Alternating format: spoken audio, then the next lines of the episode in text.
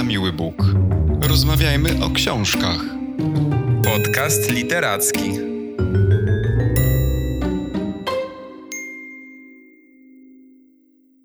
Cześć wszystkim, witamy Was znowu, żeby opowiedzieć Wam o kolejnej książce, którą razem przeczytaliśmy. Tym razem będzie to Gdzie śpiewają raki.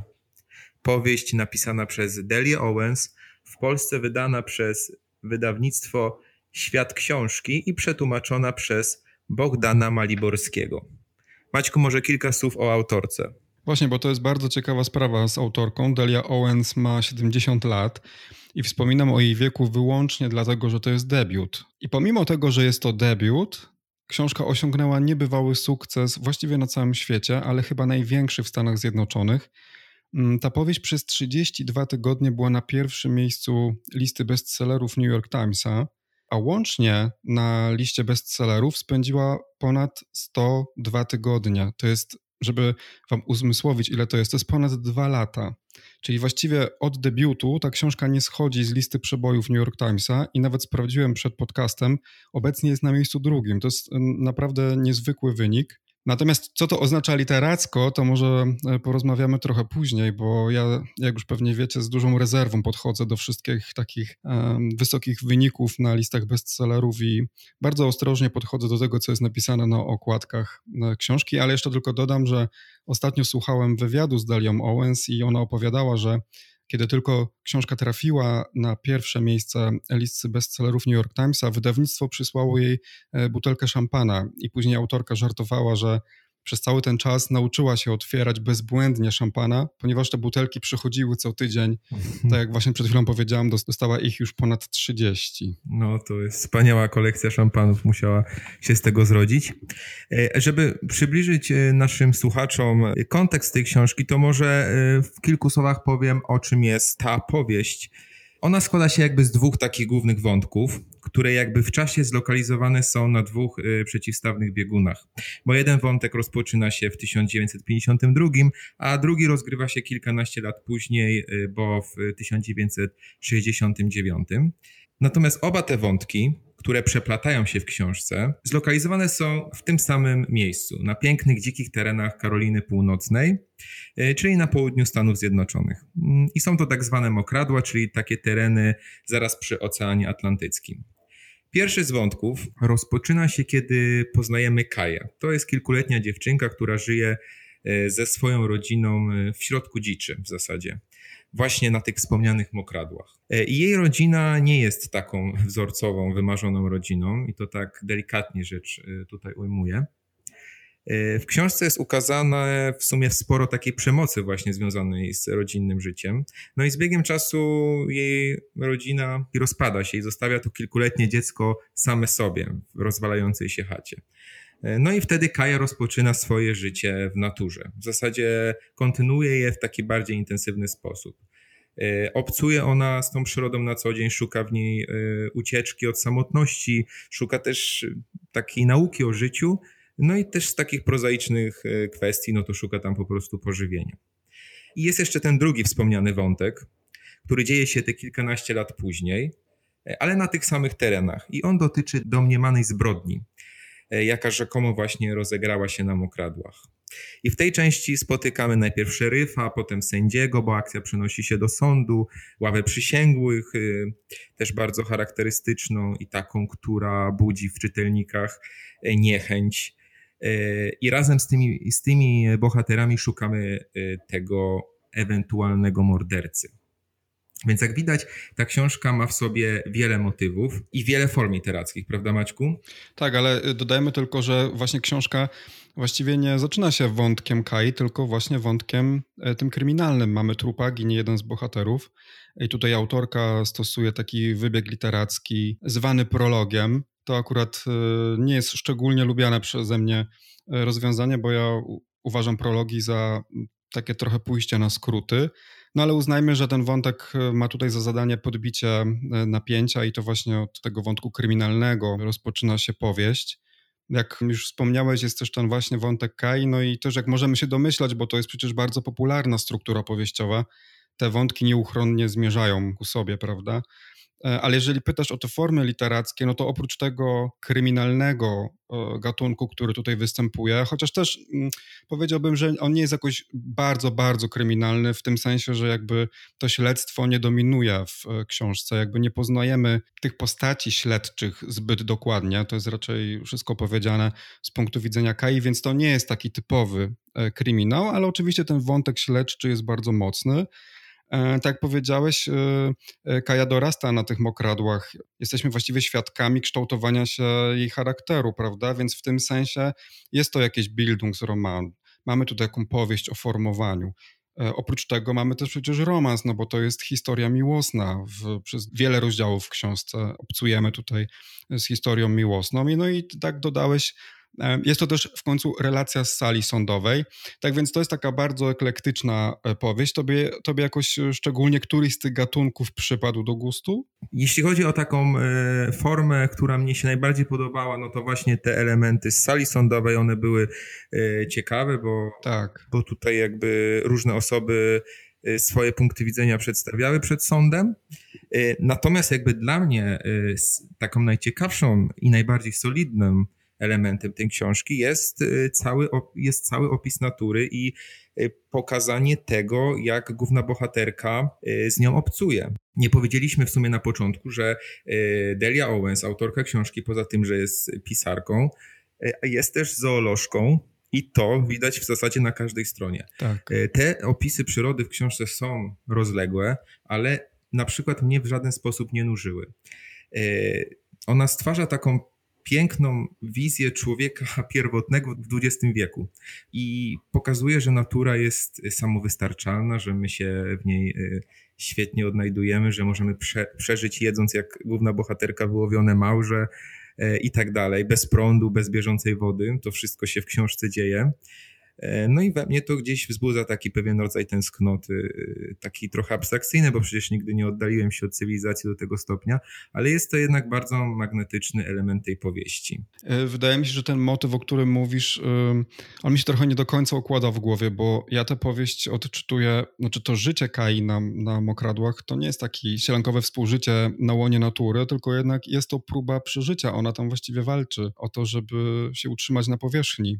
E, tak, ale też zauważamy, że z biegiem lat ona coraz bardziej uczy się tej przyrody i żyje jej się coraz lepiej, coraz bardziej jakby e, potrafi się w niej odnaleźć, ale a z drugiej strony żyjąc w tej przyrodzie, ona omija cały jakby ten taki charakter cywilizowanego społeczeństwa, że tak to ujmę, i jakby nie idzie na takie kompromisy, że coś musi udawać, że musi e, wchodzić w, ten taki, w to takie drobnomieszczaństwo i, i przyjmować jakąś formę, więc mhm. czy ona walczy? Być może w jakiś sposób walczy, ale e, z jej punktu widzenia członkowie społeczeństwa chyba bardziej walczą i bardziej przegrywają samych siebie mhm. niż ona sama. Masz rację i też fajnie zwróciłeś uwagę na to, że ona właściwie, o czym zapomniałem, że ona właściwie z czasem y, nie tylko jakby znajduje sobie drogę, jak żyć na łonie natury, ale też potrafi na niej zarabiać. Jej kariera rozpoczyna się dzięki ogromnej wiedzy na temat natury, jaką posiada. Tak, i to jest niezwykła historia i y, poruszający jest ten motyw. To, w jaki sposób, w jaki sposób ona też znalazła swoją niszę i właśnie tak jak mówisz, na niej y, zaczęła zarabiać. No i tak samo magnetyczne są dla mnie jakby pojawiające się w książce takie błyskotliwe porównania pomiędzy tymi, jakie schematy rządzą dziką przyrodą, a y, jakie rządzą ludźmi, ludzkimi zachowaniami w takim wydawałoby się właśnie cywilizowanym świecie. Y, I ja pamiętam, rozbawił mnie ten motyw, kiedy bohaterka obserwuje bo, y, przyrodę i zauważa analogię w tym, jak samce owadów, chyba to były owady, tak się puszą, prężą, żeby zdobyć swoje partnerki, oczywiście w celach kopulacyjnych, i zaraz potem odnosi to do znanych sobie sytuacji ze swojego otoczenia, y, właśnie w relacjach z innymi ludźmi, kiedy to mężczyźni przybywali do niej bądź do innych ludzi, których obserwowała pod domy swoimi, y, swoich sympatii, właśnie najlepszymi łodziami, żeby zrobić y, wrażenie na kobietach. E, oczywiście łodziami, bo to są mokradła, więc tam się wszyscy poruszają w tej książce łodziami. A już w ogóle moim ulubieńcem, tu już wracając do świata przyrody znowu, e, jest paw. Ten bowiem kładzie na łopatki w swojej próżności chyba wszystkich innych samców, bo okazuje się, co można wyczytać w książce, że panowie pawie w procesie ewolucji tak bardzo jakby powiększyły swoje imponujące pióra, w celu imponowania partnerkom, że w rezultacie prawie całkowicie zredukowały swoją zdolność latania. Jak więc widać, próżność jest całkiem takim chyba pierwotnym instynktem, no chyba, że gdzieś tam zwierzęta podglądają ludzie, ludzi i biorą przykład. Tak, bardzo mi się podobały te porównania, chociaż dla mnie były trochę zbyt dosłowne. Bardziej mi się podobały e, te fragmenty o samicach owadów, ale tu znowu nie możemy zdradzić, bo no nie chcemy odkrywać tych wszystkich kart i wszystkich tajemnic e, tej fabuły. Także no, jak widać tutaj nawet możemy powiedzieć, że jest to w jakimś sensie trochę książka przyrodnicza też, więc tych e, namnożenie gatunków jest naprawdę bardzo duże. Zresztą ta książka skojarzyła mi się bardzo z powieścią, którą czytałem kilka lat temu. Chodzi o Strażników Światła Abidjani i to również był debiut i zresztą okrzyknięty przez e, księgarnię Barnes Noble debiutem roku 2016. I to jest też bardzo podobna powieść, bo tam też jest trup, też jest samotna dziewczyna, która próbuje poradzić sobie ze stratą matki. E, znajduje się w obcowanym miejscu, chodzi akurat o Wyspy Faralońskie. E, jest w towarzystwie zoologów i zoolożek, wśród ludzi, do których niekoniecznie pasuje. I tam też są bardzo bogate opisy fauny i w mojej ocenie nawet trochę lepsze niż w książce Deli Owens, bo bardziej mroczne, ciekawsze, bardziej przerażające. E, a już wiadomo, że ja takie klimaty lubię o wiele bardziej. Tak, wiem. E, to. Ale jest ich naprawdę, naprawdę bardzo dużo, na tyle, że spokojnie można nazwać tamte, tamtą książkę e, powieścią przyrodniczą. Natomiast w Gdzie raki śpiewają, te wszystkie elementy są bardzo wyważone. To znaczy, ja nie miałem takiego wrażenia, czytając tę książkę, że te opisy przyrody w jakiś sposób mnie nudzą że wiesz, jest tego zbyt dużo i moim zdaniem tutaj wielkie brawa dla redaktorów, bo e, widać, że się przyłożyli naprawdę jestem pewien, daję sobie głowę obciąć, że Delia Owens, która z zawodu jest e, zoolożką, jak już powiedzieliśmy, napisała tego znacznie, znacznie więcej i po prostu trzeba to było ciąć. Tak, tak, to widać e, po, tym, po, po tych opisach, że miała zapędy na pewno jeszcze na więcej. No tak, to to są te mocne strony. Być może dlatego też ta książka tak długo, długo e, była bestsellerem, o czym mówiłeś na początku, ale widzisz w niej na przykład jakieś elementy, jeszcze, jeszcze więcej takich elementów typowych dla bestselleru i czy według ciebie idzie to w ogóle z, w parze z jakością literacką? Wiesz co, zacznę od tej drugiej części, bo jeżeli się zastanowić nad wartością literacką tej powieści, to mam pewne obiekcje. To znaczy, brakuje tu takiego głębszego przesłania. Nie wiem, czy się ze mną zgodzisz. Tak. Zgadzam się z tobą. Brakuje głębszego przesłania, chociaż nie wiem, ja dostrzegam tu jakąś próbę snucia takiej opowieści o wykluczeniu, trochę też o takiej walce o indywidualizm, y, będąc w środowisku, które jest poza społeczeństwem. Wyraźnie też na przykład widać, że, że postaci kobiece w tej książce mają jakiś problem. Y, wszystkie one są, no prawie wszystkie, są dręczone przez mężczyzn, są poniewierane, są zwodzone obietnicami. Na przykład nie wiem, czy pamiętasz, jak ojciec Kai obiecuje jej matce e, budowę domu, e, a ostatecznie przeprowadzają się na mokradła. Tutaj nic nie zdradzam, bo to jest właściwie przedstawione w formie retrospekcji. E, z kolei na przykład Kai i kolejni mężczyźni również składają obietnice bez pokrycia, od takich prostych obietnic szybkiego powrotu do obietnicy ślubu na przykład. Jest, jest widoczna taka trauma rodzinna w tej żeńskiej linii. No ale to właściwie wszystko. Jakby nie ma tu takiego większego przesłania, które wiesz, byłoby taką silną ideą tej książki. Nie widzę czegoś takiego tutaj. Mhm. Natomiast y, jeżeli chodzi o tą e, pierwszą część Twojego pytania o bestsellerowość tej książki, jeżeli możemy tak powiedzieć, no to to jest taki właśnie skrojony na miarę bestseller. Autorka pisała tę książkę 10 lat. Widać ten włożony ogrom e, pracy, natomiast to jest wciąż bestseller, czyli książka, która w mojej opinii nie jest wymagająca literacko. Mam też wątpliwości, czy sama historia jest świetna, bo na pewno jest świetnie opowiedziana. Mhm. Natomiast czy sama historia jest jakaś wyjątkowa, nie wiem. E, to jest na pewno bardzo dobra książka rozrywkowa i moim zdaniem takie książki też są potrzebne. To nie jest tak, że ja uważam, że E, książki, które służą e, rozrywce, to jest coś, coś złego. Mhm. Cóż, jeszcze można dodać, że z literackiego punktu widzenia jest w tej książce sporo poezji. E, I też, co jest też ciekawe, mm, niektóre wiersze są jak klucze do zrozumienia zagadki. Autorka zostawia w tych poet, poetyckich wersach takie drobne ślady i jeżeli ktoś potrafi to rozczytać, ja dopiero wróciłem do tych wierszy niektórych po przeczytaniu książki e, i odkryłem tam pewne takie podpowiedzi, ale myślę, że jest to dosyć trudne do gdzieś takiego, wiesz, znalezienia w trakcie, w trakcie tej lektury. Tak więc, no, jest to na pewno bestseller, ma wszystkie cechy e, takiej książki bestsellerowej, no bo oprócz tego miksu gatunkowego, który jest niezwykle atrakcyjny czytelniczo, to mamy też bohaterkę, której współczujemy. To jest taka bohaterka, której dopingujemy bardzo, prawda? Trzymamy za nią kciuki. To jest też taka bohaterka, która może mieć y, cechy ludzi kochających czytać. Jak, wiesz, jak czytałem tę książkę i tam były takie sceny, kiedy Kaja uczyła się czytać i wchodziła w ogóle w świat literatury, w świat poezji czy sztuki, to od razu miałem taką myśl, aha, że to jest taka, y, jest to taki sposób autorki na złapanie szybkiego połączenia z czytelnikiem. To jest też taka, wiesz, bohaterka wyobcowana, taki typ nierozumianej outsiderki, Często ludzie czytający książki są trochę tacy poza tą taką masą społeczną. To jest ktoś, z kim y, bardzo łatwo nam się utożsamić w taki bardzo łatwy i szybki sposób. No oprócz tego, y, to co już powiedzieliśmy na początku, ta struktura y, z prologiem i przeplatającymi się dwoma wątkami na dwóch różnych liniach czasowych, to to też jest takie bardzo bestsellerowe. No ta, ten wątek śledczy bardzo podbija napięcie, sprawia, że tę książkę jest ciężko po prostu odłożyć. I zwróć uwagę, jak autorka sprytnie to robi. Trochę teraz tak od kuchni pokazujemy tę powieść, bo gdy tylko atmosfera siada, pojawia się rozdział z przebiegu śledztwa.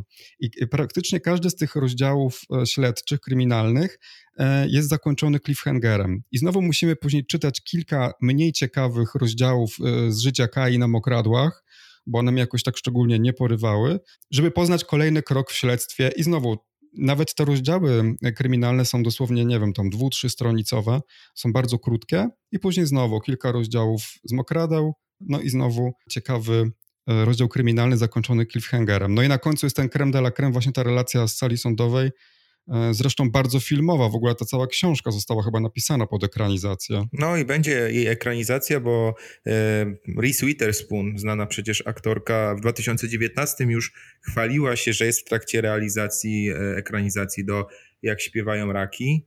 No właśnie, mamy też blurb Reese Witherspoon na okładce, prawda? To też jest w ogóle coś, co mnie odstrasza od razu, bo to jest też dowód na to, jak marketingowa machina stoi za tą powieścią, prawda? No przecież Reese Witherspoon nie jest osobą związaną z literaturą. Ja w ogóle nie ufam blurbom żadnym, a już ludziom, którzy nie są pisarzami i nie pochodzą ze świata literatury, to już w ogóle. No także mam takie podejrzenie, że ta książka została, była długo pisana i później Równie długo myślano nad e, kampanią promocyjną tej powieści, ale naprawdę nie chcę, żeby ktoś mnie źle zrozumiał. Nie uważam, że to jest coś złego. Bardzo się cieszę e, z sukcesu autorki. To jest naprawdę fenomenalny wynik. E, I zresztą też podejrzałem tutaj jakby rankingi bestsellerów w Polsce i też ta książka świetnie sobie radzi. Ma bardzo dużo czytelników i bardzo, bardzo wysoką ocenę. Więc nie wiem, polecamy czy nie? Wiesz co, ja myślę, że zdecydowanie jakby jeszcze odnoszę się do tej trochę przeważającej w tym odcinku może krytyki, tylko dlatego e, wymierzamy te słowa krytyczne ze względu jakby na ogromny sukces tej książki. Tak. Bo książki z takim sukcesem po prostu patrzy się e, na, na te kartki bardziej jakby e, wnikliwie, przez co troszkę więcej tutaj mamy do zarzucenia. Natomiast ja nie mogę powiedzieć, że rekomenduję każdemu, bo może być to dla niektórych ckliwa i trochę melancholijna książka, ale ja uważam, że to nie jest absolutnie zła książka, że jest bardzo dobrze napisana i magnetyzuje treścią i formą, wciąga, yy, uwalnia jakąś taką tęsknotę. U niektórych na pewno uwolni za tym dzikim światem przyrody. Myślę, że wielu wzruszy. Ja nie będę mówił o sobie, czy mnie wzruszyła, czy nie. No wiadomo, że tak.